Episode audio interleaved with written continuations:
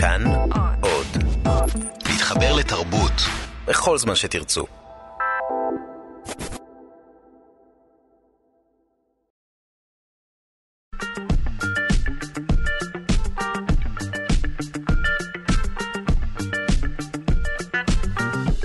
שלושה שיודעים.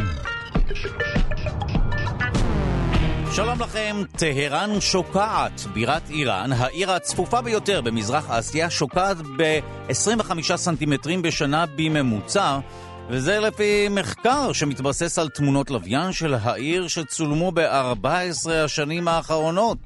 אחת ההשערות היא שהשקיעה קשורה בין היתר לשאיבת מי התהום במקום, אנחנו מיד נרחיב על כך. שלום לכם, אנחנו שלושה שיודעים בכאן תרבות. אני דודו ארז, ואיתי באולפן דוקטור סיימון וולפסון, מנהל המכון לרפואת כאב, המרכז הרפואי רמב"ם, ומנהל בית הספר לרפואת כאב. שלום לך. שלום רב. ואתה נמצא איתנו כאן בעקבות מחקר חדש שעוסק בכאב וקובע שאם אנחנו מצפים שיכאב לנו, אז כנראה שיכאב לנו. מחקר חדש שפורסם בכתב העת Nature Human Behavior קובע שהציפייה לכאב עשויה להיות נבואה שמגשימה את עצמה. מידת הכאב קשורה מאוד לציפייה שלנו. בגדול, כשנחקרים ציפו שהם עומדים להחזיק כוס חמה, הם הרגישו כאב ביד למרות שהכוס לא באמת הייתה חמה. הציפייה גרמה להם לכאב. הציפייה כנראה שמשפיעה על האופן שבו המוח מאבד את הכאב. כך עולה מהמחקר שנערך באוניברסיטת קולורדו, ואנחנו נעסוק היום בכאב באופן כללי ובמחקר הזה בפרט. מהו כאב, מה תפקידו, מלבד כמובן לעשות לנו רע, האם יש כאב שמקורו הוא רק פסיכולוגי, מה ההסבר לכאב פנטום, ואיך אפשר להעלים כאבים. ונעסוק בעוד עניינים. תמונות חדשות מהגשושית ג'ונו, שנמצאת בסביבת כוכב הלכת צדק. ג'ונו אמורה לחקור את כוכב הלכת צדק, היא כבר מקיפה אותו, והיא סיפקה בשבוע שעבר תמונות מרהיבות, בין היתר של טבעות כוכב הלכת, של ברקים, של תופעות שמזכירות את הזוהר הצפוני אצלנו, זוהר בכתבים. ועוד, התמונות שודרו אל חדר אה, מרכז הבקרה של סוכנות החלל האמריקאית נאס"א והפכו להיות שיחת היום בכנס השנתי של האיגוד הגיאופיזי האמריקאי שנערך בשבוע שעבר בוושינגטון בארצות הברית. אנחנו מיד אה, נדבר על התמונות המרהיבות שהגיעו מכוכב הלכת צדק. וגם מחקר גנטי ראשון מסוגו עשוי לסלול את הדרך למציאת תרופה לאקנה, לפצעי בגרות או לחדשקונים, בלשון העם. המכון הבריטי לחקר הבריאות השלים לאחרונה את המחקר הגנטי העולמי הראשון והמקיף ביותר על האקנה. במסגרת המחקר נלקחו דגימות DNA מכ-27 אלף בני אדם הסובלים מאקנה, מתוכם 5,600 שסובלים מאקנה קשה. ממצאי המחקר הצביעו על הבדלים גנטיים בין החולים, בעיקר בגנים שאחראים על היווצרות זקיק השערה, מה שיכול בסופו של דבר לסייע בפיתוח של תרופות חדשות לתופעה הזו. ממצאי המחקר פורסמו בכתב העת המדעי Nature Communications, מיד נרחיב, וגם פיתוח ישראלי חדש מבטיח להפוך את מי הברז שלנו למים מסוננים, אבל שמכילים מינרלים בהזמנה אישית. אנחנו נדבר על מיו, טכנולוגיה ישראלית המבוססת על אוסמוזה הפוכה לסינון המים, אבל החידוש האמיתי הוא העשרת המים המסוננים והנקיים בכל המינרלים הטבעיים הדרושים לנו על פי בחירתנו. מיד נרחיב. העורך שלנו רז חסון, המפיקה אליטל אמירן, על הביצוע הטכני די.ג'י אלון מקלר. תודה רבה ליגאל שפירא שמלווה אותנו. אתם מוזמנים להאזין לשלושה שיודעים בכל זמן ובכל מקום באמצעות היישומון החינמי כאן עוד, או כאן בעברית OD באנגלית, מורידים אותו בחנות האפליקציות, זאת אומרת נכנסים ליישומון חנות האפליקציות, כותבים בשורת החיפוש כאן עוד, מורידים, מתקינים, וכך תוכלו ליהנות מכל התכנים של כאן תרבות בכל זמן ובכל מקום, כל ההסכתים, כל המוסיקה, כל החדשות. ועוד. אז אנחנו חוזרים אל המחקר, אה, דוקטור סיימון וולפסון, מנהל המכון לרפואת כאב, המרכז הרפואי רמב"ם, נמצא איתנו כאן. המחקר החדש שפורסם בכתב העת Nature Human Behavior קובע שהציפייה לכאב עשויה להיות נבואה שמגשימה את עצמה. אם אני מצפה שיכאב לי, כואב לי. מה אתה אומר? האם אלה קשקושים ניו אייג'ים, או שיש אמת בטענה הזו של המחקר? לא, לא, בכלל לא קשקושים. הנקודה היא מאוד חשובה. אה, ציינת קודם בפתיח שלך שכאב אולי הוא משהו לא טוב, להפך. כאב הוא אולי אחד הדברים הכי טובים שיש לנו. כן, מעניין, למה? ואנחנו לא יכולים לחיות בלי כאב. אנחנו לא יכולים לחיות בלי כאב כי כאב הוא סימן אזהרה. אה, זו למעשה התפקיד העיקרי של כאב. הוא אמור להזהיר אותנו מפני סכנה. אם אין לנו כאב, אנחנו עשויים לפגוע בעצמנו, לא להרגיש את זה ולהמשיך לפגוע בעצמנו.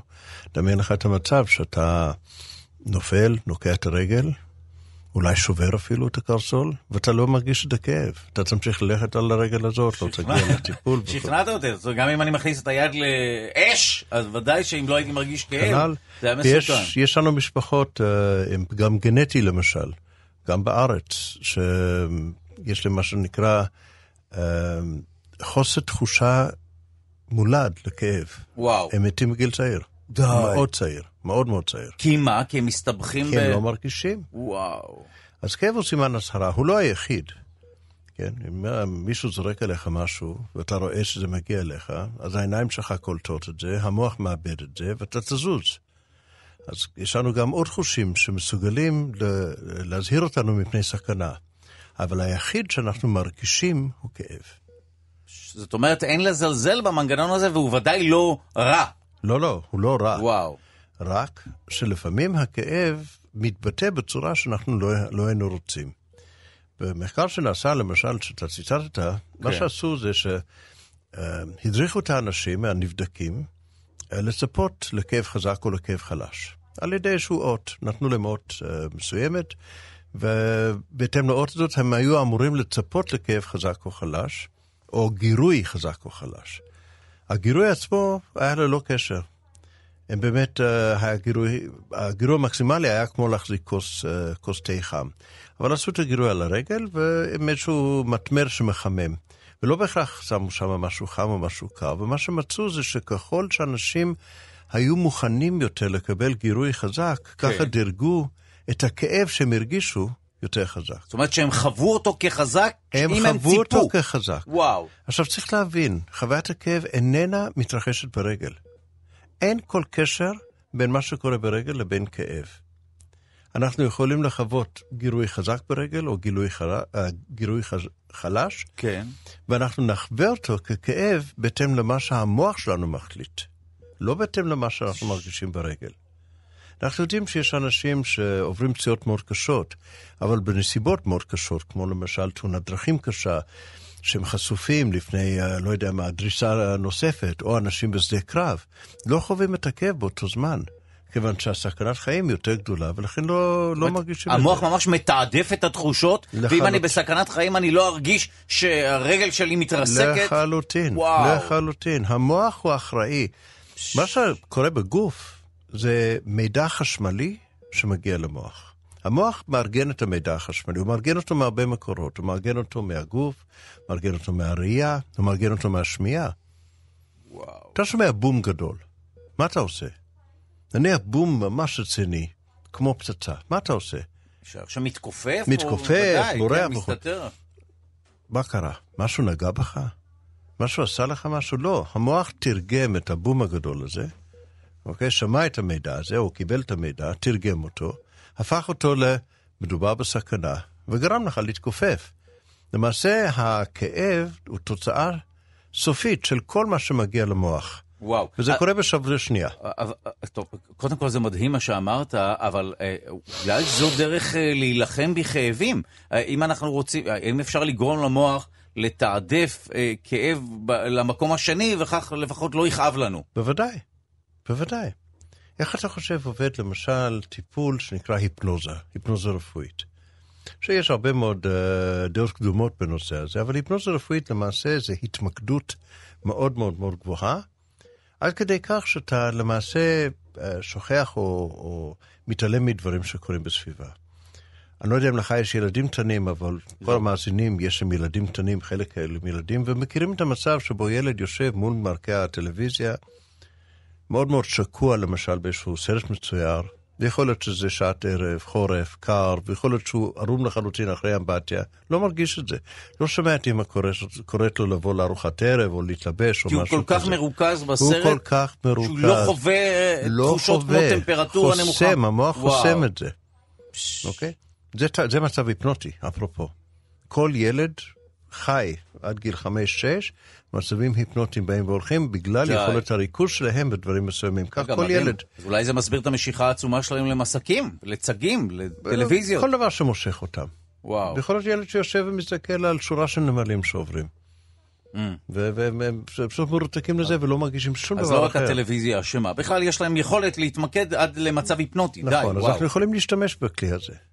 עכשיו, בנושא הכאב, אז אנחנו רוצים שיכאב לנו על מנת להזהיר אותנו. ובכלל יש, אה, יש, יש, יש ויכוחים גדולים בין המדענים מהו כאב ומה ההגדרה של כאב. אחת ההגדרות החדשות שעולות בנושא הכאב, כן. היא הגדרה מאוד יפה, שאומרים שכאב זה חוויה או תחושה לא נעימה, שמרגישים אותו באיזשהו מקום בגוף. ושהתחושה הזאת uh, מעודדת אותנו להגן על עצמנו. אוקיי? כן. מעודדת להגן על עצמנו. כן. זה אומר שנניח שכואב לך ברגל, מאיזושהי סיבה, דרכת על נעץ, אז אתה מרגיש את זה. אתה יודע שזה ברגל, כי המוח החליט שזה ברגל. גם זה, יש לפעמים תעתועים בדברים האלה. ויש... יכול להיות שכאב הוא לא יסגיר אה, בעיה בנקודה שבה הוא מורגש? הרבה פעמים וואו. הבעיה היא לא במקום שבו אתה מרגיש. אבל זה מעודד אותך לעשות משהו, לעצור, להסתכל על כף הרגל, אולי אם יש שם נעץ, להוציא אותו, משהו כזה. במצב של כאב חריף, שקורה בן רגע, משהו חדש, זה דבר טוב מאוד. דמיין לך פציינט שיש לו התקף לב, ירגיש כאבים בבית חזה, כן. ידע שזה מאוד לא נעים, וזה יעודד אותו להגיע לאיזשהו פתרון של העניין, להגן על עצמו, להגיע למיון, להגיע לרופא, לנוח, כל דבר אחר. הבעיה שזה נהפך לכרוני. אז הבעיה... מה, למה שכאב יהפוך להיות כרוני? זאת אומרת, מה, מה גורם לו לשוב אה, לאותק לנו? זו תעלומה מאוד גדולה. זו תעלומה מאוד גדולה, אבל מה שבטוח זה שלרוב זה לא קשור למה שקורה בגוף. Mm. לרוב זה לא קשור למה שקורה בגוף. זאת אומרת שיש מה, בעיה בעיבוד המוחי, בדיוק. שבסופו של דבר היא זו שמולידה את הכאב הכרוני, סתם מרגישים כאבים. המחקר שאתה ציטטת, בעצם מה שהם עשו, הם השכיבו את החולים בתוך uh, מכשיר MRI, הראו להם אות שמסמן הולך לכאוב או לא או הולך לכאוב חזק או חלש, ואז באמת שמו להם מטמר um, עם חום, אולי חלש, אולי לא חלש. אנחנו יודעים היום שכשאתה מסתכל ב-MRI במוח, מה שנקרא MRI תפקודי, אתה רואה אזורים שונים שנדלקים בתוך המוח. כן. יש אזור אחד שיודע לזהות מה מיקום הכאב, יש אזור שיודע לזהות מה התחושה שלי, פחד, חרדה אה, וכולי. יש אזור אחר שיודע לזהות מה הזיכרון שלי מכאב כזה בעבר. וואו. וכל זה נדלק ביחד, אנחנו מקבלים משהו ש... אני, יכול, אני ממש זוכר כאבים, את העוצמה, את איכות הכאב, יש לי זיכרון? בוודאי שכן, וואו. יש לך מה שנקרא חתימת כאב. עכשיו, כשעולה לך משהו שמזכיר לך את החתימה מחדש, כן. כשעולה לך משהו שמזכיר לך את החתימה מחדש, אתה עשוי לחוות כאב שוב פעם, על אף שלא קרה שום דבר בגוף. ואולי תכף אני אפרש על זה יותר. טוב, אז אנחנו נשמע שיר ונמשיך לשמוע, כי זה נושא מרתק, שהוא יחסית חדש, אה, לפחות אה, ככל שאני זוכר, כל מה שקשור לרפואת כאב זה משהו שהוא יחסית חדש. שלום לכם, שלושה שיודעים בכאן תרבות, אני דודו ארז, ואיתי באולפן מנהל המכון לרפואת כאב מהמרכז הרפואי רמב"ם, דוקטור סיימון וולפסון. אה, אז שוב שלום לך, ואנחנו עוברים לכוכב הלכת צדק, ברשותך. תמונות חדשות מהגשושית ג'ונו, שנמצאת אה, בסביבת כוכב הלכת צדק. ג'ונו שאמורה לחקור את כוכב הלכת צדק סיפקה בשבוע שעבר תמונות מרהיבות. בין היתר של טבעות כוכב הלכת, של ברקים ושל תופעות שמזכירות את הזוהר הצפוני אצלנו, הזוהר בכתבים.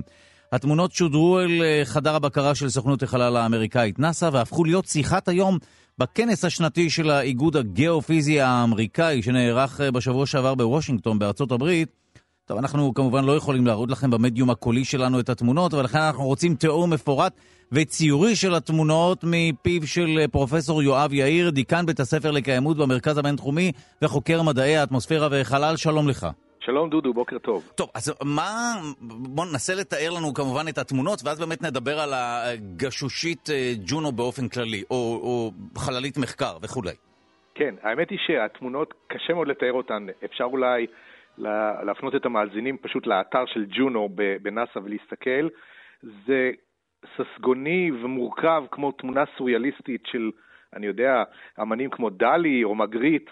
אה, פשוט אוסף של צבעים, מערבולות, אה, צורות אה, אמורפיות ונוזליות שכאלה, שאסופות באטמוספירה של צדק יוצרות. העננים מסתחררים, הרוחות נושבות.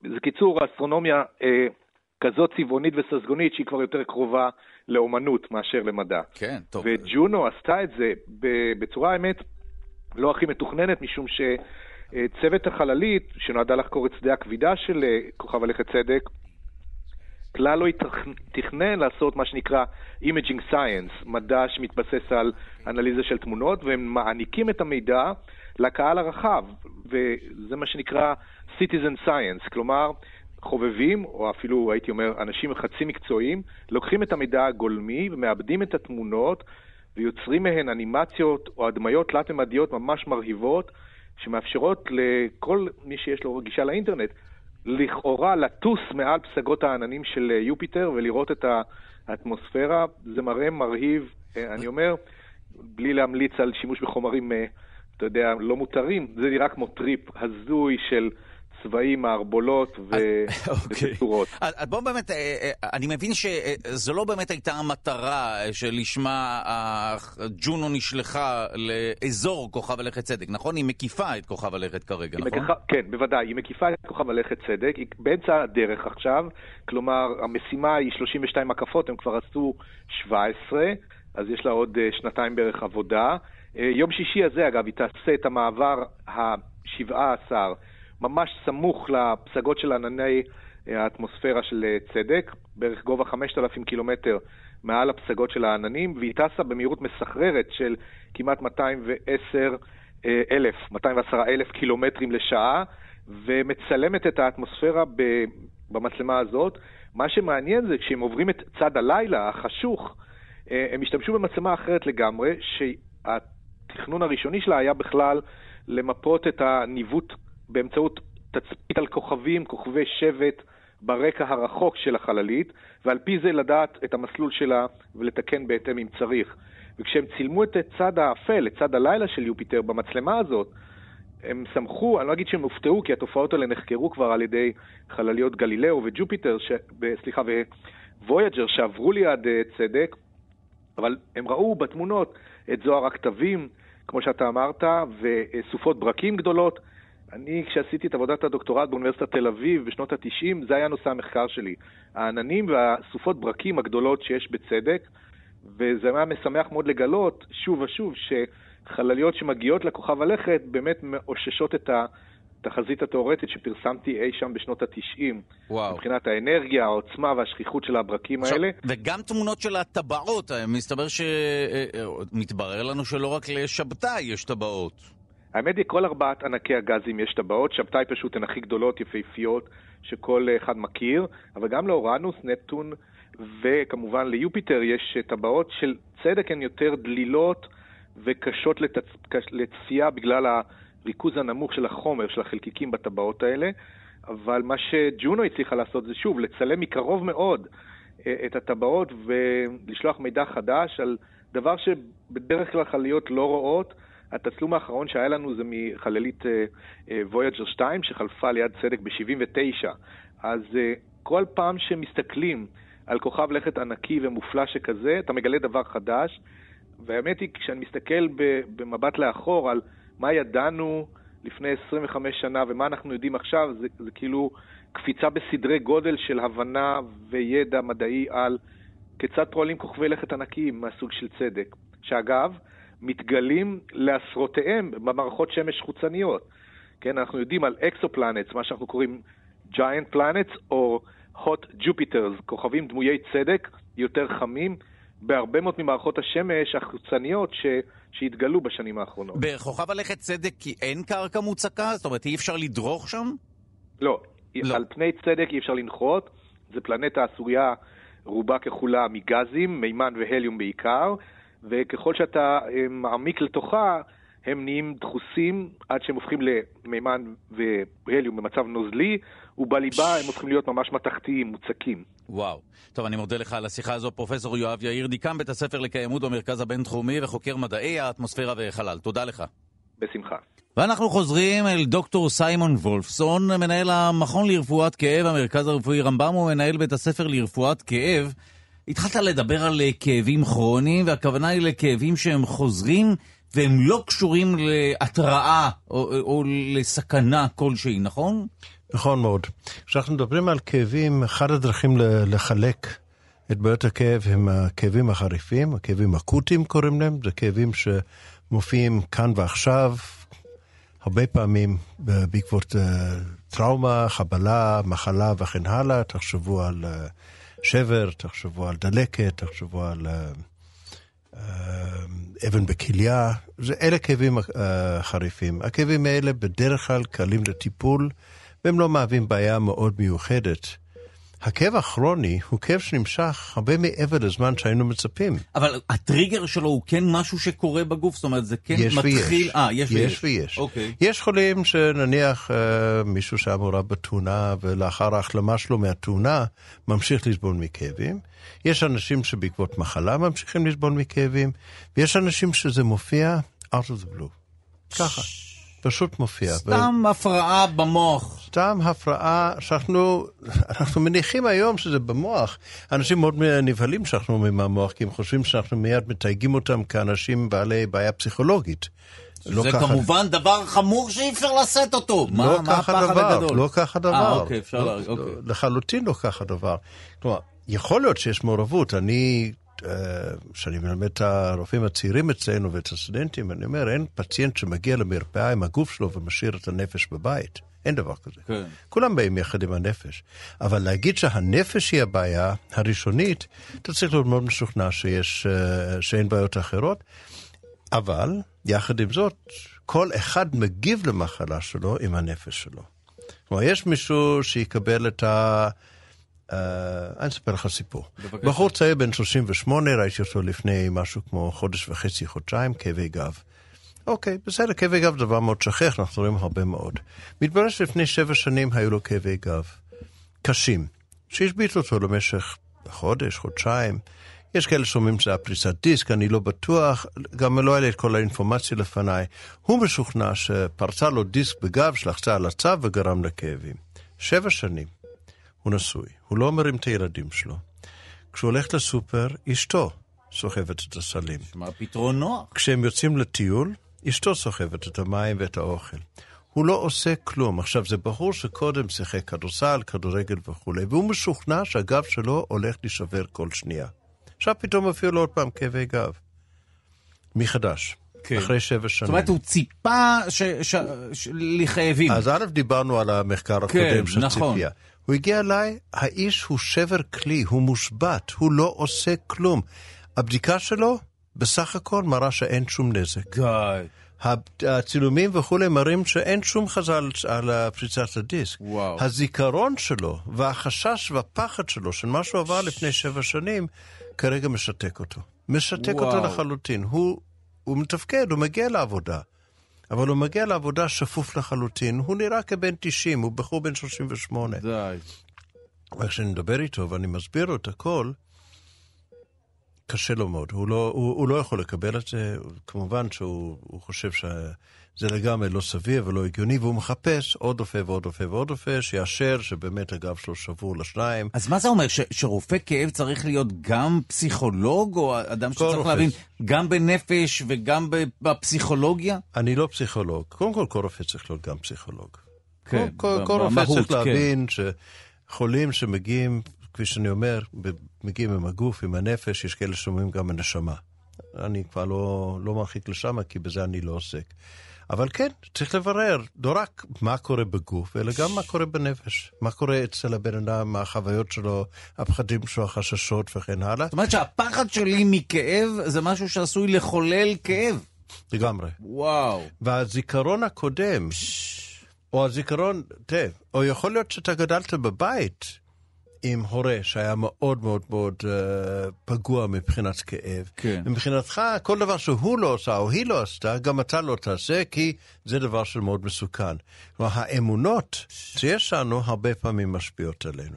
וואו. זה נקרא התנהגות כאב, זה חלק מהעניין. עכשיו תראה, היקף הבעיה בארץ הוא היקף אה, אדיר, אי אפשר לדמיין.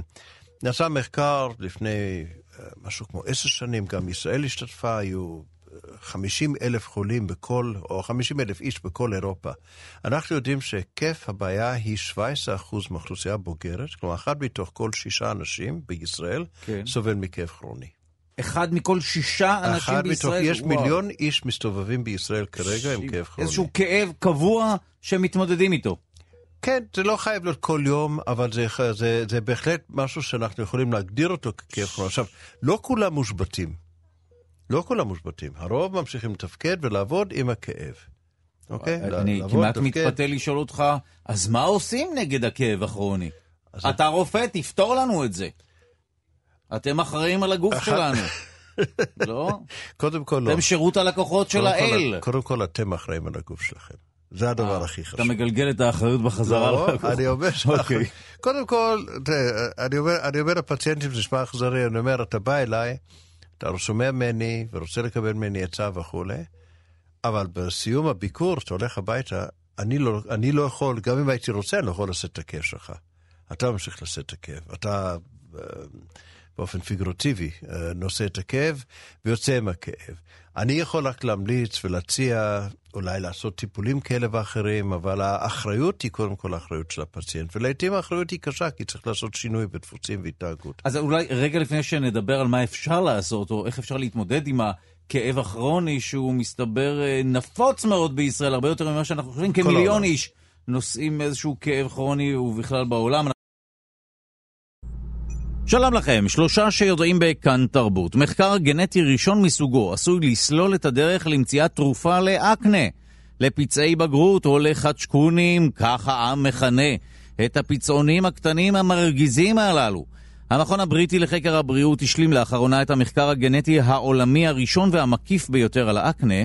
במסגרת המחקר נלקחו דגימות DNA מכ-27 אלף בני אדם הסובלים מאקנה, מתוכם 5,600 הסובלים מאקנה קשה. ממצאי המחקר הצביעו על הבדלים גנטיים בין החולים, בעיקר בגנים האחראים על היווצרות זקיק השערה, שכמובן מעורב בדלקת הזו, מה שיכול לסייע בפיתוח של תרופות חדשות.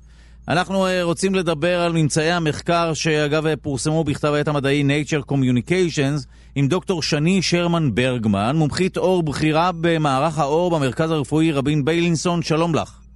היי, בוקר טוב. טוב, אנחנו נשמח קודם כל לשמוע על התופעה הזו, שאנחנו אולי מכירים ככה, ב- ב- לא ממש ברמה המדעית. מה גורם לאקנה? מה, מה מהות התופעה?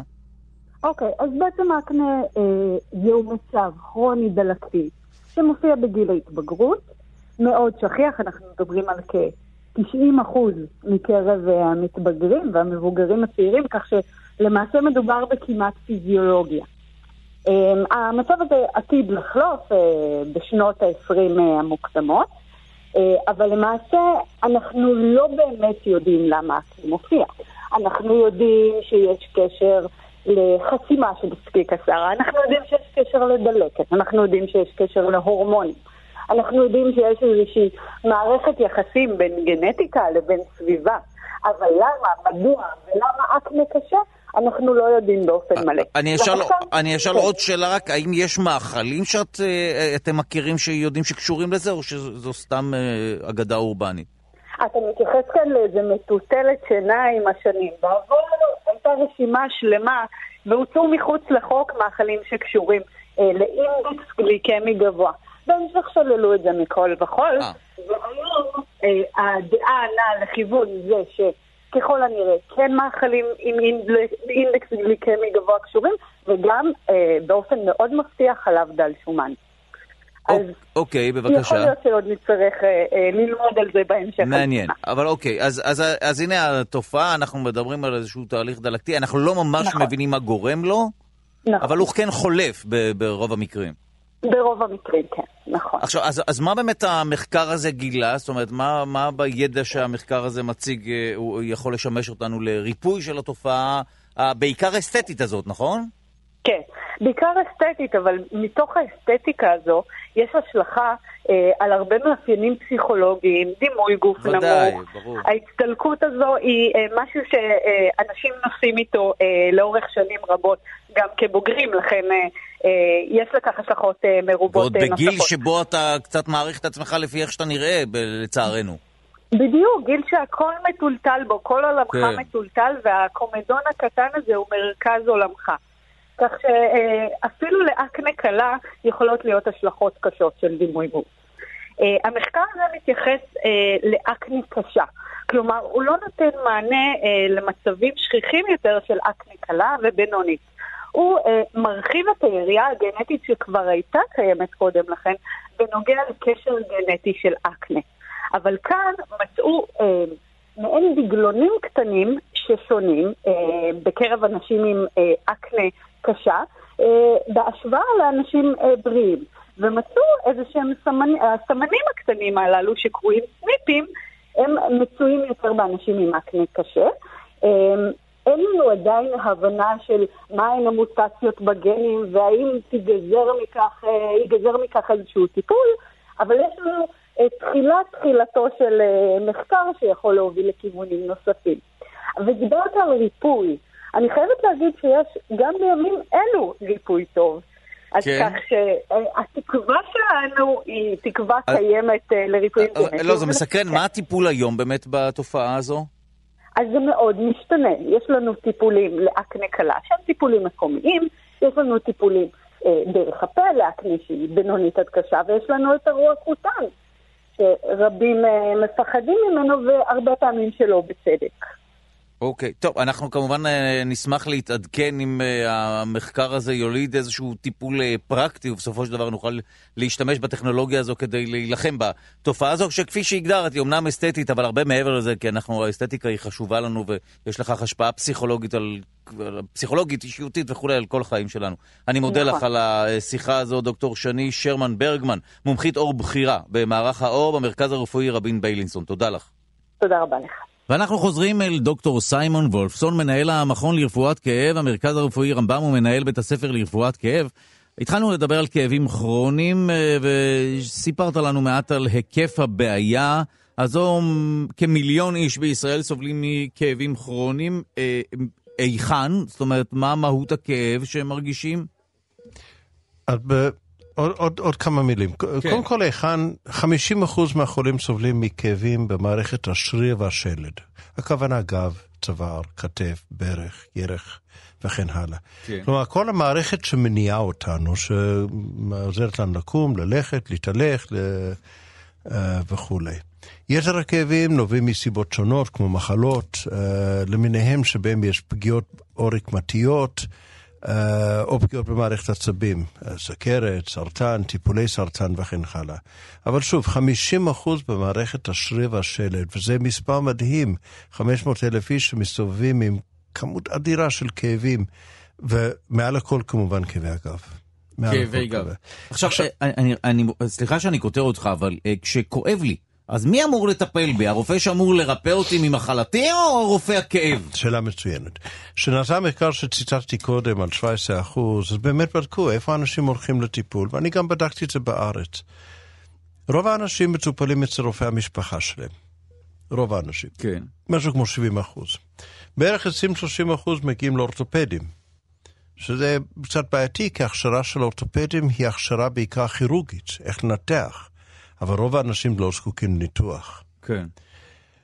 בערך 4 מגיעים לרופאים שעיסוקם העיקרי הוא כאב. וגם בארץ, שאני בדקתי לפני משהו כמו שלוש שנים, היקף הטיפול בכאב בארץ, כמה אנשים, סך מרפאות הכאב בארץ, או הרופאים שעוסקים בכאב, בכמה אנשים מטפלים, הגעתי למשהו כמו 40 אלף איש בשנה מתוך מיליון. כלומר, בערך 4% מהאנשים בארץ מסוגלים או יכולים להגיע למרפאת כאב. למה כל כך מעט?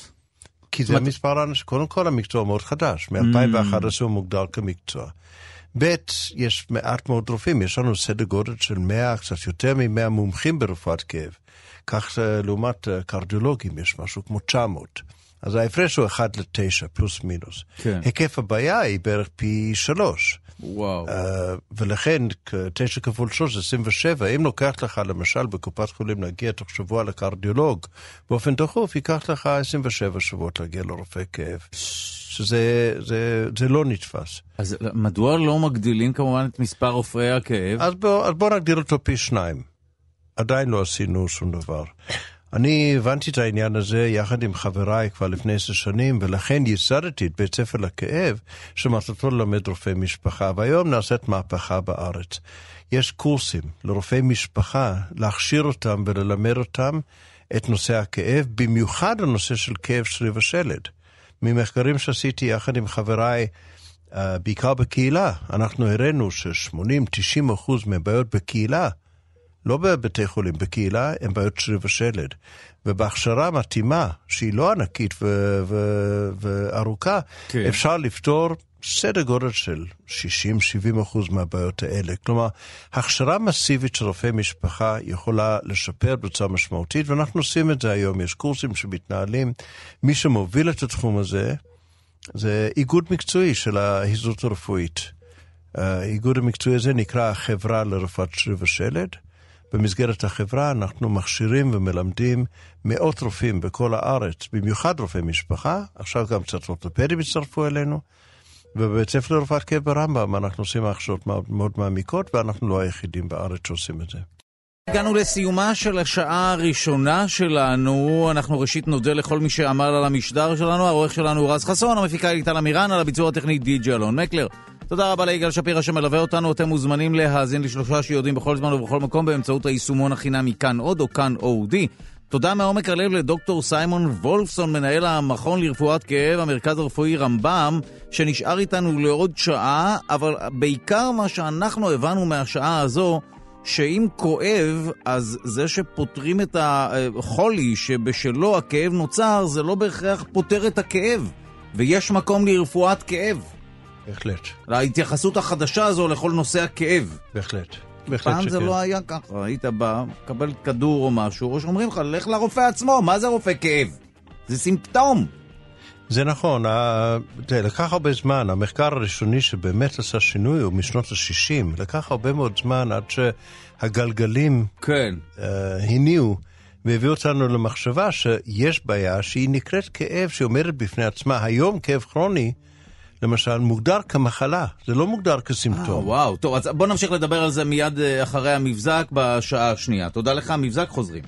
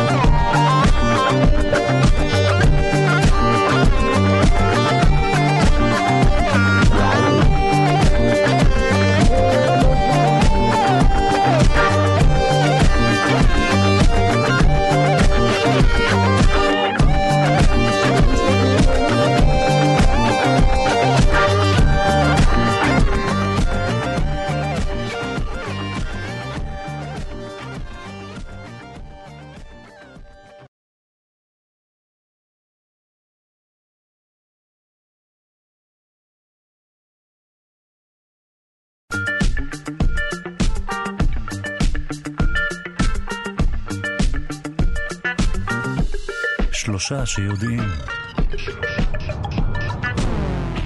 שלום לכם, מחקר חדש קובע שאם אנחנו מצפים שיכאב לנו, אז כנראה שיכאב לנו.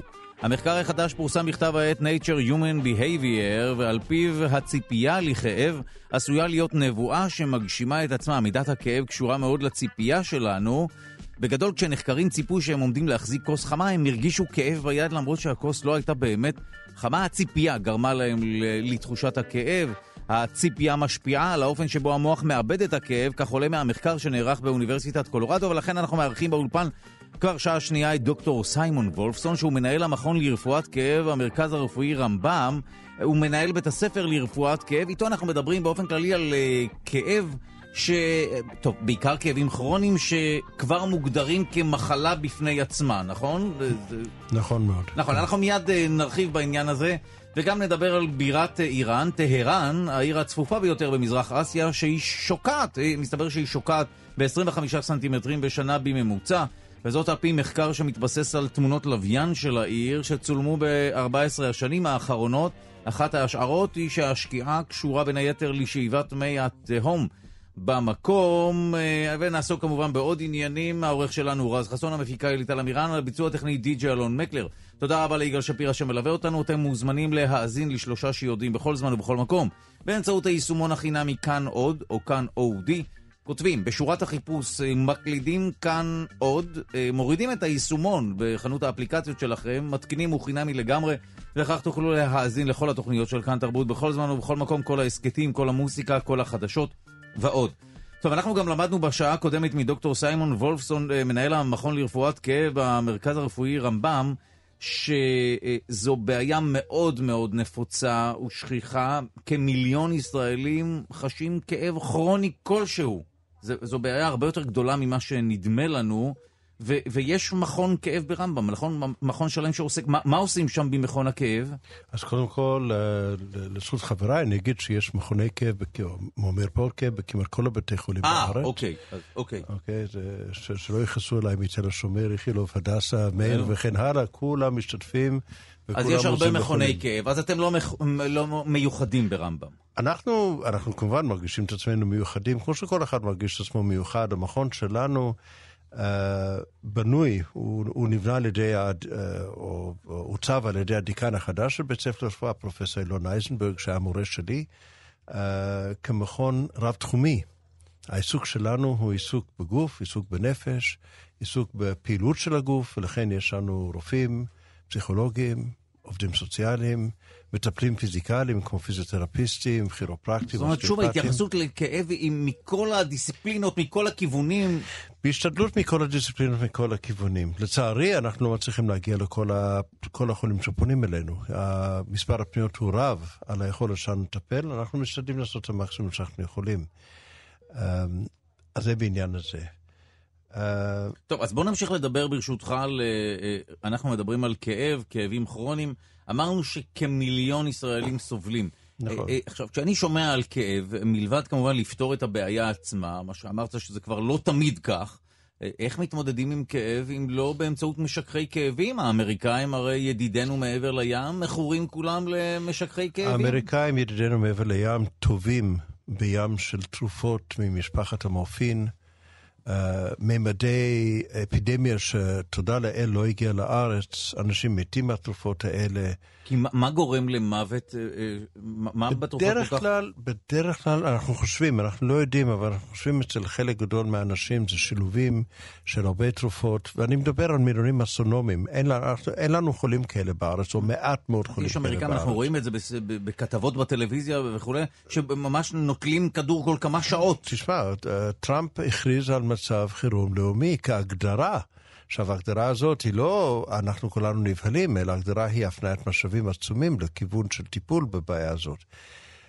המשכי כאבים הם טובים, אבל הם מוגבלים ביכולתם הם, uh, לטפל, וחלק מהחולים מקבלים את התרופות, זה עוזר להם נגד כאבים, אבל יש גם תופעות לוואי, אנחנו לא צריכים לשכוח את זה.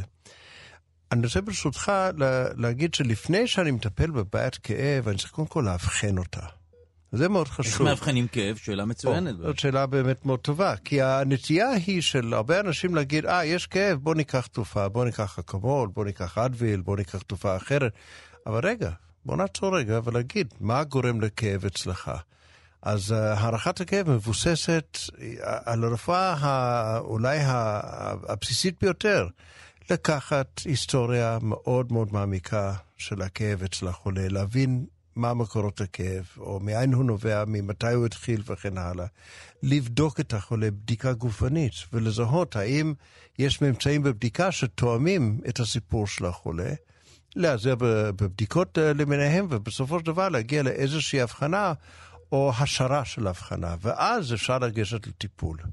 לגשת לטיפול לפני שיש לנו הבחנה, זה בעייתי. לפעמים אתה פוגע בול, אבל לפעמים אתה מפספס לחלוטין. סתם לעשות עוד זריקה או עוד טיפול וכולי, מבלי שיש לנו לפחות השערה מה סיבת הכאב, זה בעייתי. אפשר לחלק את הכאב באופן גס. כן. לשלושה סוגים, באופן מאוד גס. אחד זה כאב שנובע כתוצאה מפגיעה ברקמה, שבר, דילקת וכולי, שמעביר אותות חשמליים למוח, והמוח מפענח את האותות החשמליים ואומר, אה, ah, יש לי בעיה ביד, ברגל, בבטן, מה שלא יהיה, והוא מבטא את זה בצורה של כאב, זה דיברנו בהתחלה. כן, כמו נורת חיווי ברכב, שעל נכון, בעיה, בדיוק, כן. כן. סוג של נורת חיווי.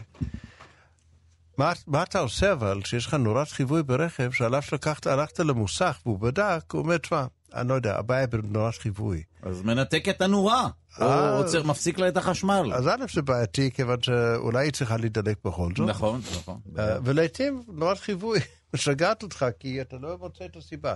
הסיבה השנייה לפגיעה או לכאבים כרוניים, זה שמערכת הכאב עצמה, או המערכת שמעבירה שידורים או תשדורת אה, עצבית, כן. היא זאת שפגועה.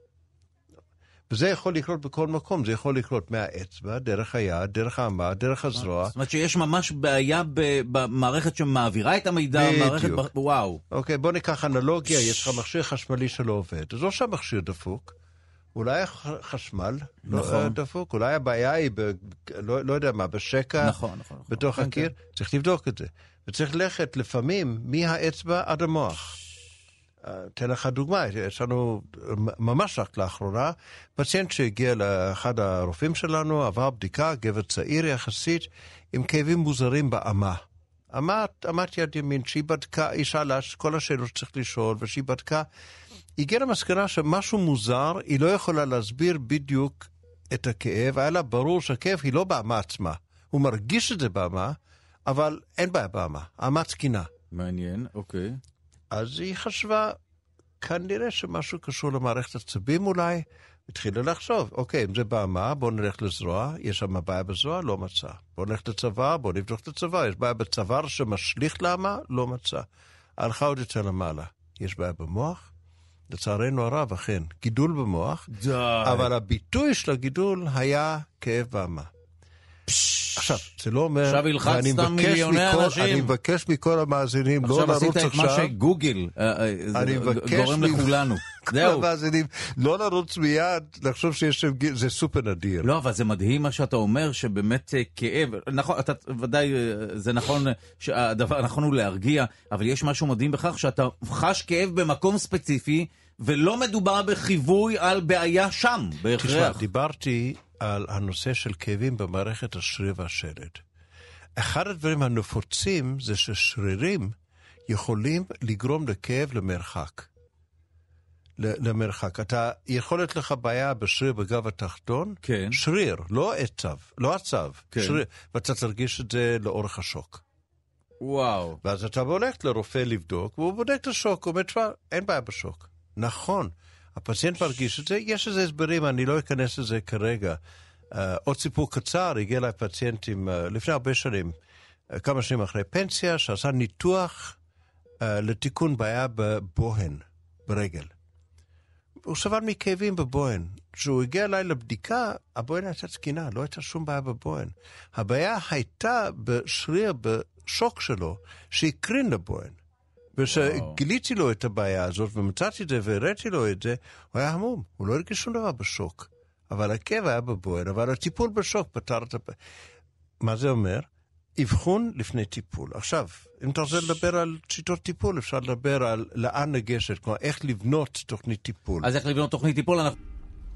טהרן שוקעת. בירת איראן, העיר הצפופה ביותר במזרח אסיה, שוקעת בכ-25 סנטימטרים בשנה בממוצע, וזאת על פי מחקר שמתבסס על תמונות לוויין של העיר שצולמו ב-14 השנים האחרונות, ואחת ההשערות היא שהשקיעה קשורה בין היתר לשאיבת מי התהום במקום.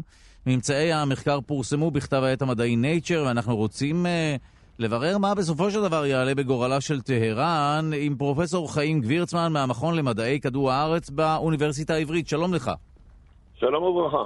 את- אתה אה, קונה במרכאות את התיאוריה הזו שה...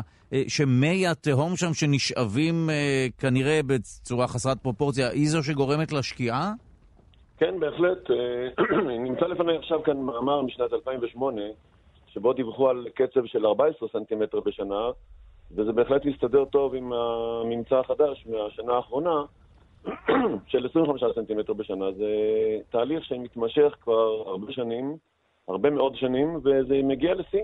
בואו נתחיל את הסיפור מההתחלה. אה, הסיפור מתחיל למעשה אה, במהלך כל המאה ה-20, זאת אומרת, מדובר על תקופה מאוד מאוד ארוכה שטהרן מתפתחת וגדלה מסדר גודל של חצי מיליון בני אדם בתחילת המאה ה-20 עד אה, כ-12 מיליון בני אדם בסוף המאה ה-20. והעיר הזאת צריכה הרבה מאוד מים בשביל לתת לתושבים שלה. אבל כן. מקורות מים לא חסרים לעיר הזאת, מכיוון שהיא נמצאת על המורדות של רכס אריאל בורז, ויש שם שלגים, ויש שם הרבה נהרות, והפשרת שלגים ומים רבים, ולכן אספקת המים לעיר טהרן גדלה בקצב מדהים, ביחד עם התפתחות, ה... עם גדילת, ה... גדילה דמוגרפית. הבעיה של איראן ושל טהרן זה שלא בנו מערכת ביוב בו זמנית. ולכן מים בשפע מגיעים לעיר, אבל הכל, הביוב מתנקז אל תת הקרקע, אל מי התהום, כאן נכנס הסיפור של מי התהום, והאקוויפר, כלומר מאגר מי התהום שנמצא מתחת לעיר טהרן, זה מאגר די רדוד, והוא אטום מתחתיתו, ולכן כשמי התהום אה, מתמלאים, אז זה מבצבץ על פני השטח. עכשיו שם, למעשה מי התהום הם מי ביוב, מכיוון שכל האנשים סילקו את הביוב שלהם בבורות ספיגה אה, כלפי מטה, ומפלס התהום עלה ועלה עד שהוא הגיע בראשית שנות התשעים של המאה הקודמת אל פני השטח. זאת אומרת, מדובר כבר לפני 28 שנים אה, שהת- שהשלטונות של טהרן מודעים לבעיה והם צריכים להתמודד איתה. עכשיו, איך הם מתמודדים איתה? זאת אומרת, מה אפשר לעשות אוקיי, במצב הזה? ההתמודדות היא בשני שלבים. ההתמודדות בשלב הראשון, 1991, הם הקימו חברה עירונית גדולה מאוד שתפקידה לבנות מערכת ביוב לכל העיר טהרן. והחברה הזאת עבדה במשך כ-20 שנה, ואחרי 20 שנה מדדו מה היא הספיקה לעשות, והתברר שהיא הצליחה לבנות מערכת ביוב לשני מיליון אזרחים שגרים בטהרן. אבל בו בעת העיר כבר גדלה והגיעה ל-12 מיליון באותה שנה. זאת אומרת, העיר, החברה הזאת שאמורה לבנות מערכת ביוב לעיר לא מצליחה להדביק את קצב הגידול של העיר, ולכן הביוב ממשיך לעלות ולהציף את העיר, ויש סרטוני יוטיוב בלי סוף שמראים איך העיר הזאת מוצפת בחלקים הנמוכים שלה אה, מביוב שפורץ על פני השטח.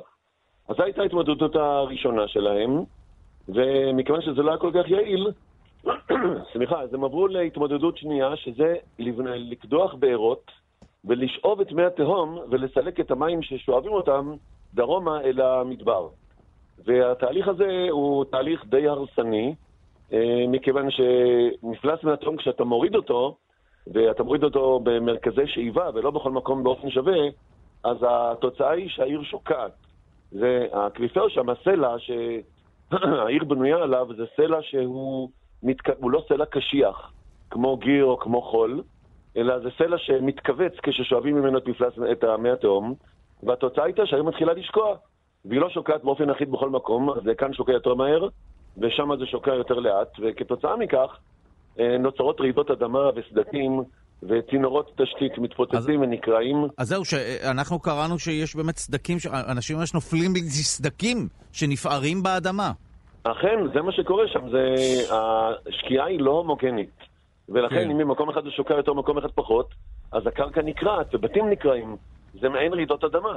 וואו. רעידות אדמה לא הרסניות כמו שאנחנו מכירים אה, בתופעה קלאסית של רעידות אדמה, אבל פה זה רעידות אדמה מלאכותיות בעוצמה די נמוכה של 2-3. אבל בכל אופן זה קורע את הבתים וזה קורע את התשתיות ואת הצינורות. אולי אני אוסיף עוד משהו. כן, תראה, בבקשה. ב- בעבר, בשנת 2008, כשדווח לראשונה באמצעות לוויינים על שקיעה, אז ראו שקצב השקיעה מגיע ל-15 סנטימטר, 14, אבל זה רק במרכז העיר, בחלק הדרומי במרכז. עכשיו החידוש הגדול של המחקר שנעשה, שפורסם השנה, זה שההתפשטות של האזור השוקע היא גדלה באופן משמעותי ביותר, וזה מגיע עד שדה התעופה, ובהחלט הוא מסכן את שדה התעופה.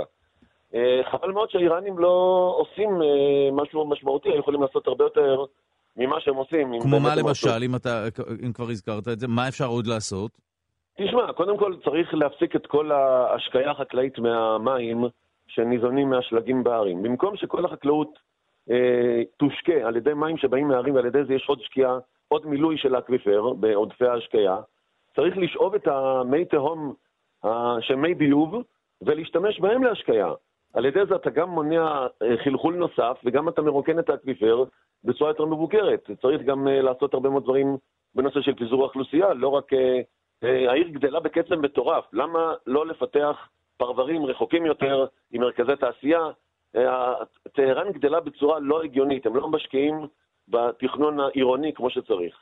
אה, ומעבר לזה צריך לעשות כל מיני דברים אחרים בנושא של ניהול משאבי מים, ניהול מערכות הביוב. אה, לצערי הרב הם משקיעים את הכסף שלהם אה, בדברים אחרים שאנחנו שומעים עליהם ברדיו. כן. ולא משקיעים את זה בדברים הנכונים. מסכים לגמרי. תודה רבה לך, פרופסור חיים גבירצמן מהמכון למדעי כדור הארץ באוניברסיטה העברית. תודה לך על השיחה הזאת. בבקשה, שלום שלום. ואנחנו חוזרים לדוקטור סיימון אה, וולפסון, מנהל המכון לרפואת כאב, המרכז הרפואי רמב"ם ומנהל בית הספר לרפואת כאב. אה, אנחנו דיברנו על תוכנית טיפול. בואו ניקח לדוגמה אדם, מקרה היפותטי של אדם שעבר ניתוח לאחר שהיה לו אירוע לב. ניתוח מעקפים, וממשיך להרגיש כאב גם לאחר שהניתוח הצליח. יש, אה, אה, היפות... תיאורטית יכול להיות מצב כזה. לא רק תיאורטית, אלא מעשית, אדם שאני מכיר אותו היטב לפני אה, די הרבה שנים. עבר ניתוח מעקבים, כפי שאתה אומר, הניתוח היה מאוד מוצלח, המעקבים פתוחים, אדם זורם לו ללב, הכל בסדר, העצם, עצם בית החזה עבר איחוי, הכל בסדר, והוא שבר כלי.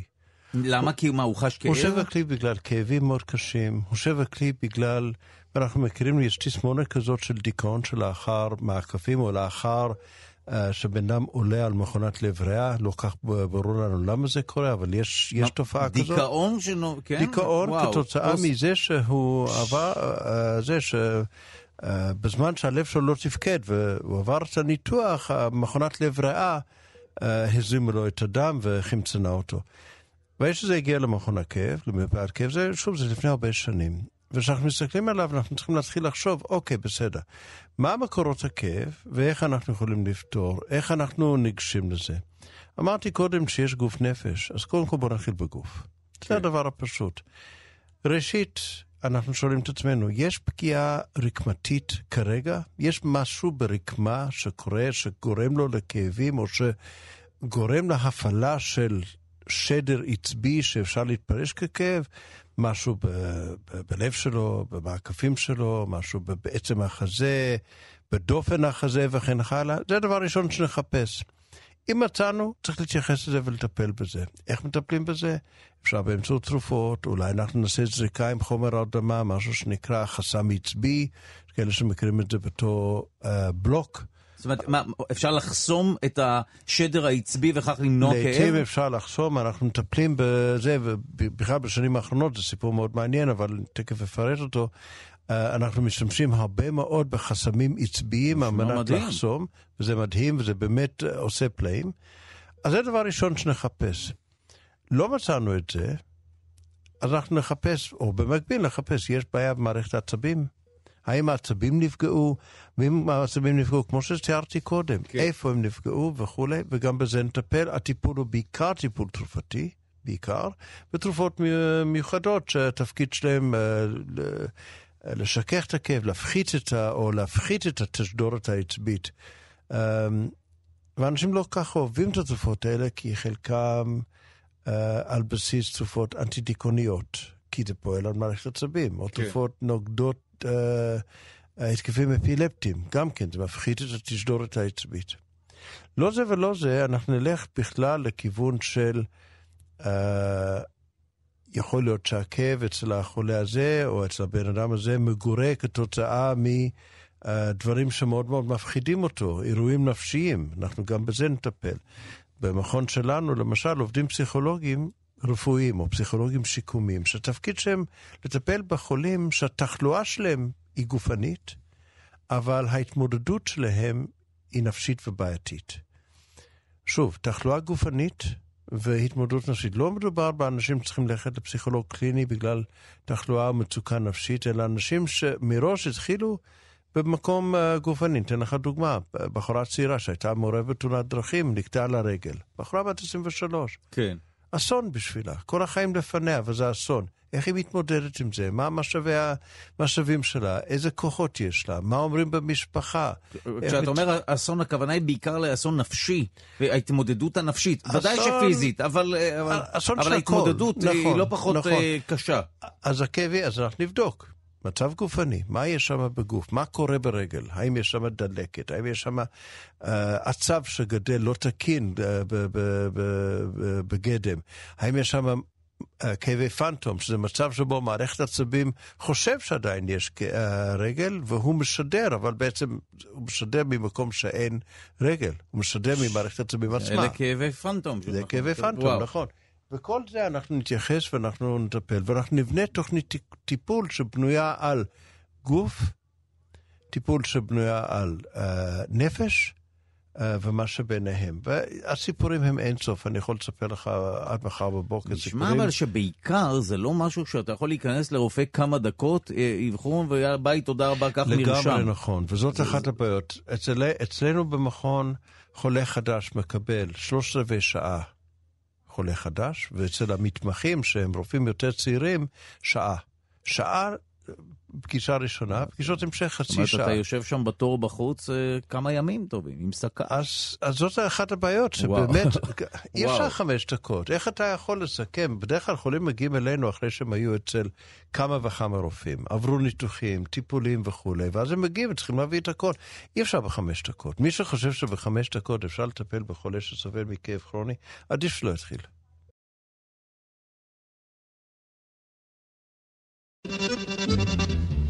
שלום לכם, שלושה שיודעים בכאן תרבות, ועכשיו אנחנו עוברים אל הפינה שלושה שאוכלים. היום אנחנו עונים על השאלה של מתתיהו רון מעפולה, האם יש קשר בין אוכל לזיכרון? שלום לי פרופסור נמרוד לוז, חוקר היבטים חברתיים, תרבותיים והיסטוריים של אוכל מהחוג ללימודי ארץ ישראל, החוג למדעי ההתנהגות מהמכללה האקדמית כנרת, שלום לך.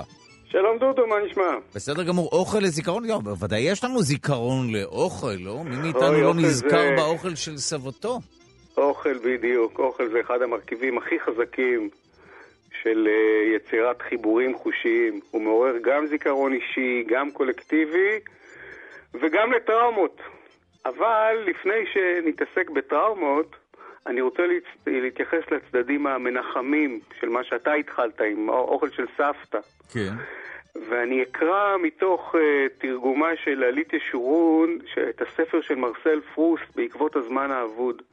בקטע הקצר הזה הוא הורג לילדות שלו דרך uh, עוגיות המדלן. וככה הוא אומר: היא שלחה אותי להביא מאותן עוגיות צמיחות וגוצות, המכונות מדלנות קטנות, שנוצרו כמדומה בכסבה גלית כקונכיית סנג'ק.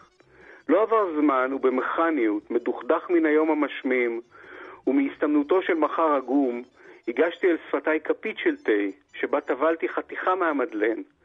אבל בשבריר הרגע שבו נגע בחיקי הלגימה הבלולה בפתיתי העוגייה, עבר בי רעד.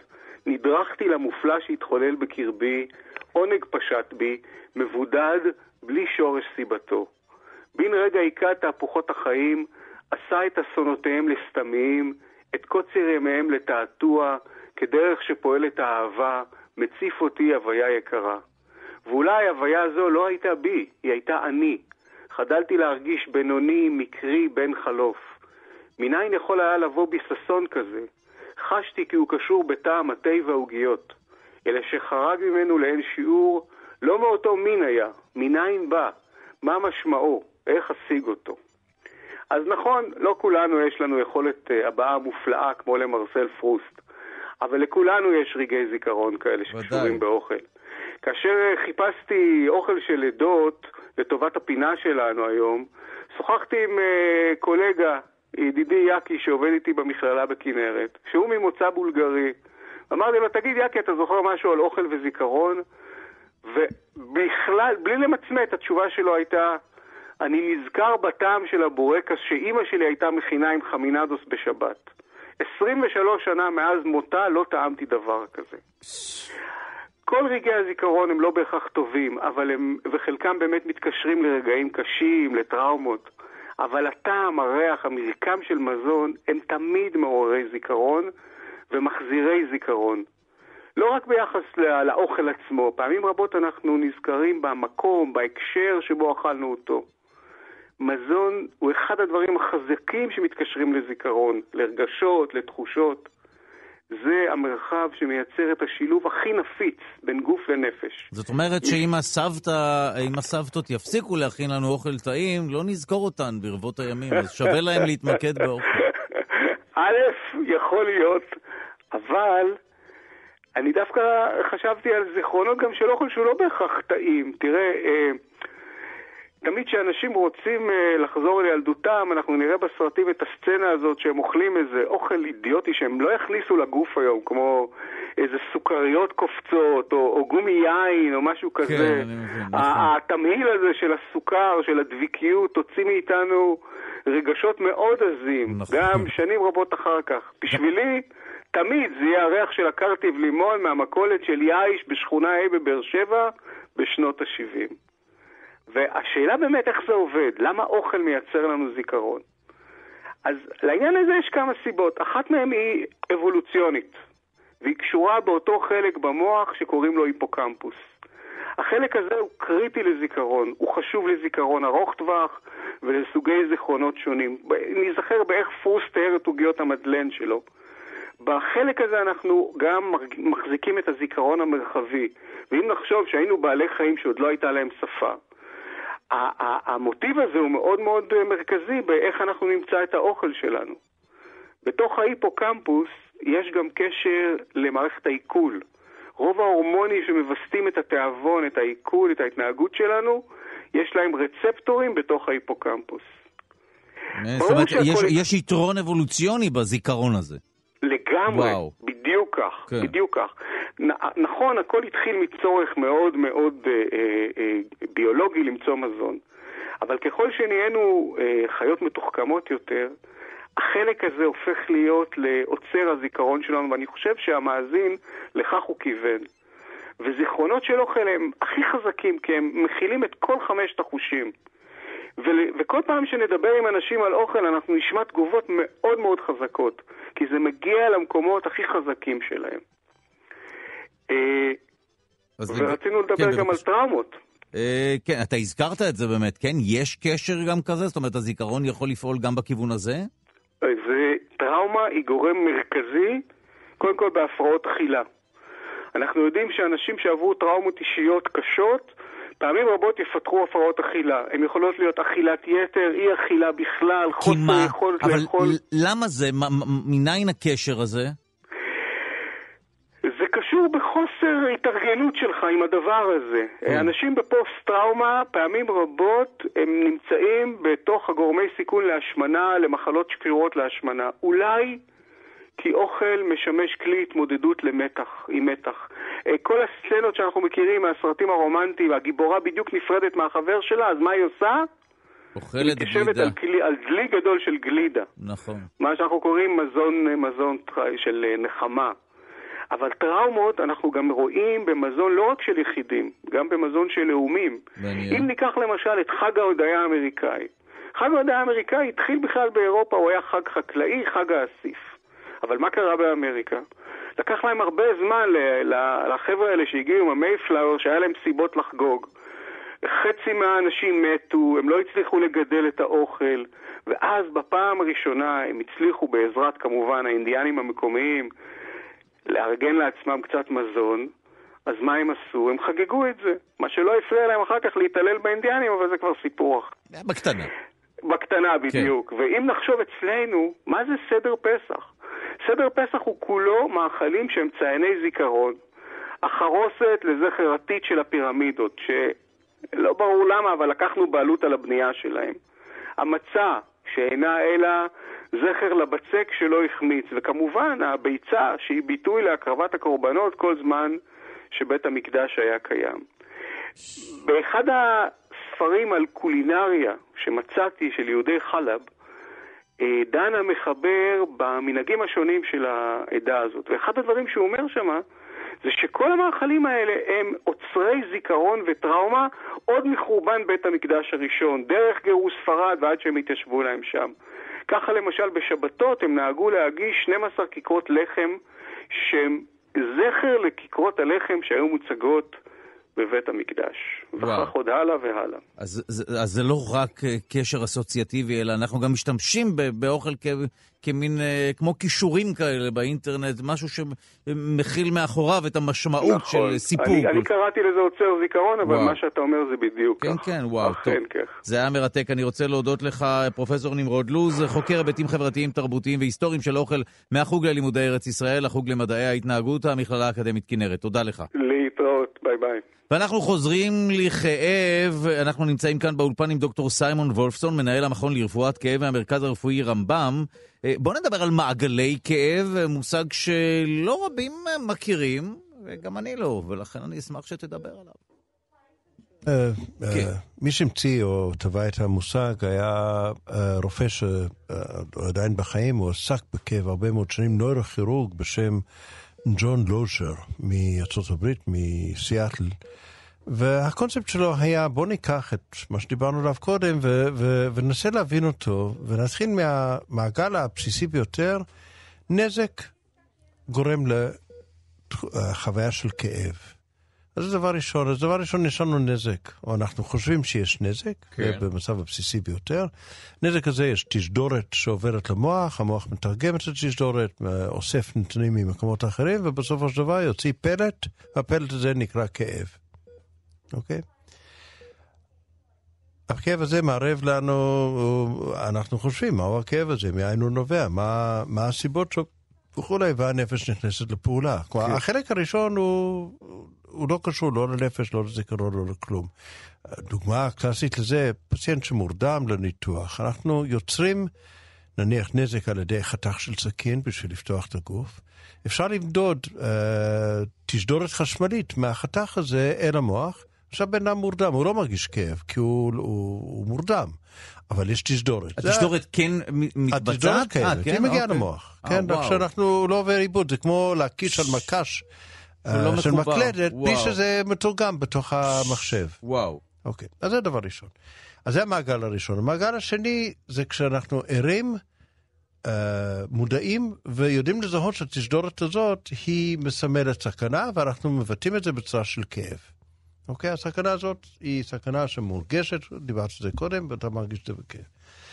המעגל השלישי זה המעגל הנפשי, או בואו נקרא לזה המעגל של ההתמודדות עם הכאב. מה אני עושה עם זה? איך אני מבין את זה?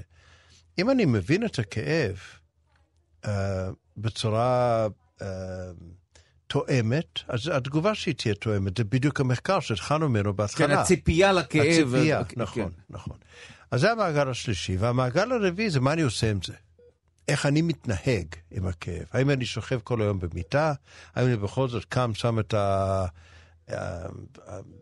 התיק על הגב ויוצא לעבודה? מה הדבר הנכון לעשות באמת? הדבר הנכון... מה ההתמודדות הנכונה? ההתמודדות הנכונה צריכה להיות תואמת את המצב. אם יש לך שבר, אל...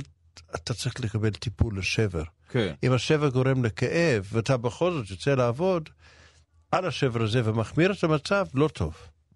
אם אין לך שבר, והרקמה, הרופא אומר, תשמע, בדקתי, הרקמה היא תקינה באופן אבל. כן יש כאב, אולי אפילו כרוני? אז אז אנחנו יודעים שתפקוד יותר טוב מאי תפקוד. עדיף אה, כן משמעית, ללכת לעבודה. חד משמעית, כן, תפקוד וואו. יותר טוב מאי תפקוד, משפר בצורה משמעותית. זאת אומרת, אפשר להתמקד במשהו אחר בחיים אה, וכך לא להרגיש את הכאב, או להרגיש אותו פחות? לגמרי, כן? אנשים מדווחים שהם הולכים לעבודה למשל, עסוקים בדברים אחרים, מרגישים הרבה פחות הכאב, לא שמים לב אליו. כן. ודווקא מתי מרגישים את זה הכי הרבה? בלילה, שכבר לא מתמקדים בשום דבר אחר, ופתאום הם שמים נכון. לב לכאב, והרבה כן. אנשים מדווחים שהלילות הם הכי קשים להם. עכשיו, כל זה מביא אותי לקונספט חדש שנבנה בשנים האחרונות, uh, שהוא, בוא נסביר לחולים בעצם מה כואב להם. בוא נסביר להם. בוא נסביר להם את המנגנון הזה, כי אם אתה מסביר למישהו את המנגנון, ואתה אומר, תשמע, במצב שלך, כך וכך וכך, אנחנו לא חושבים שזה מסוכן. שתלך לחדר כושר, שתעשה פעילות גופנית, להפך, אנחנו חושבים שזה טוב.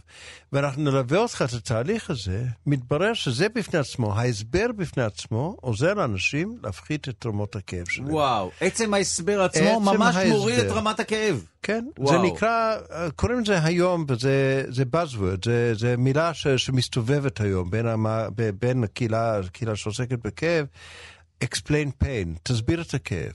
וזה קונספט, uh, זה נלמד. אני uh, לאחרונה נסעתי לאמסטרדם לשמוע מרצה, סוף שבוע שלם, רק על הנושא הזה, זה היה מרתק. זאת אומרת, עצם ההסבר למישהו את מנגנון הכאב, את הכאב עצמו, זה משהו שמפחית את רמת הכאב. יכול להפחית בצורה משמעותית, וואו. ויש מחקרים שמראים, למשל, אחד הנפלאים שנעשה אצלנו במכון, אחד הפיזיותרפיסטים שלנו צילם פציינטית עם כאבי גב, היכול למשל להתכופף קדימה, ולאן האצבעות מגיעות, בקושי עד הברכיים.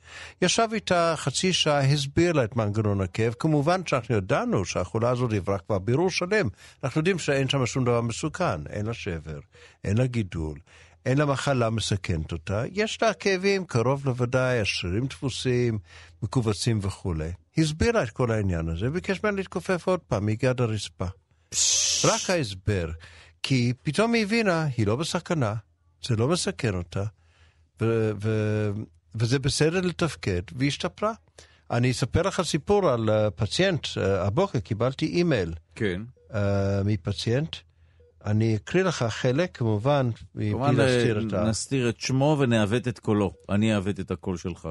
כן, הוא כותב לי ככה, דוקטור סיימון שלום. סבר.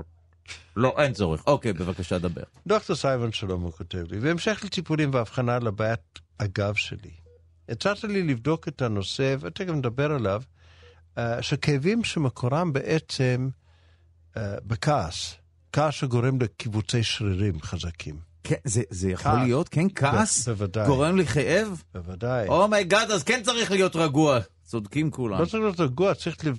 צריך לנתק את הקשר, ובמיוחד כעס שאנחנו לא מודעים אליו. וואו. הוא אומר, ולאחר ציפייה בכל הסרטונים של דוקטור ג'ון סארנו. ג'ון סארנו הוא נפטר לפני שנה בגיל 92, חלוץ בתחום הזה בארצות הברית, רופא וואו. שעוסק בשיקום, שאמר, אחרי שבדקת, אחרי שסיימת לבדוק את הכל, והגעת למסקנה שאין סיבה פיזית ברורה לכאב, החולה לא בסכנה, אין לו שום בעיה גופנית כמו שברים, גידולים, זיהומים וכולי, חייבים לבדוק איך הנפש. חייבים לבדוק, כי הנפש משפיעה על השרירים, כך הוא קורא לזה, וגורם לכאבים. והוא כותב לי, אני חושב שאכן 80% מהתסמינים שלי נוצרים בגלל זה. מאז אני עובד לעצמי, גם גופנית, גם פסיכולוגית. אכן קיים שיפור, אני מעוניין uh, להיבדק uh, מחדש ולביקורת. שמע, זה נושא מורכב, הייתי מעז לומר מדי כאב כנראה. הוא תלוי ביותר מדי גורמים, חלקם פסיכולוגיים, חלקם פיזיים באמת. וואו. בגלל זה המתמחים ברפואת כאב היום הם רופאים מומחים, קודם כל. אצלי יש הרבה רופאי משפחה, רופאים פנימאים, אה, אה, רופאים שעוסקים בשיקום, שבאים, הם כבר גמרו 4-5 שנים מומחיות, ועכשיו הם באים להתמחות נוספת. ואצלי במיוחד ברמב"ם, אה, אני מאוד אוהב את המודל שהם באים לחצי משרה למשך ארבע שנים, שהם הרבה זמן ללמוד את הנושא.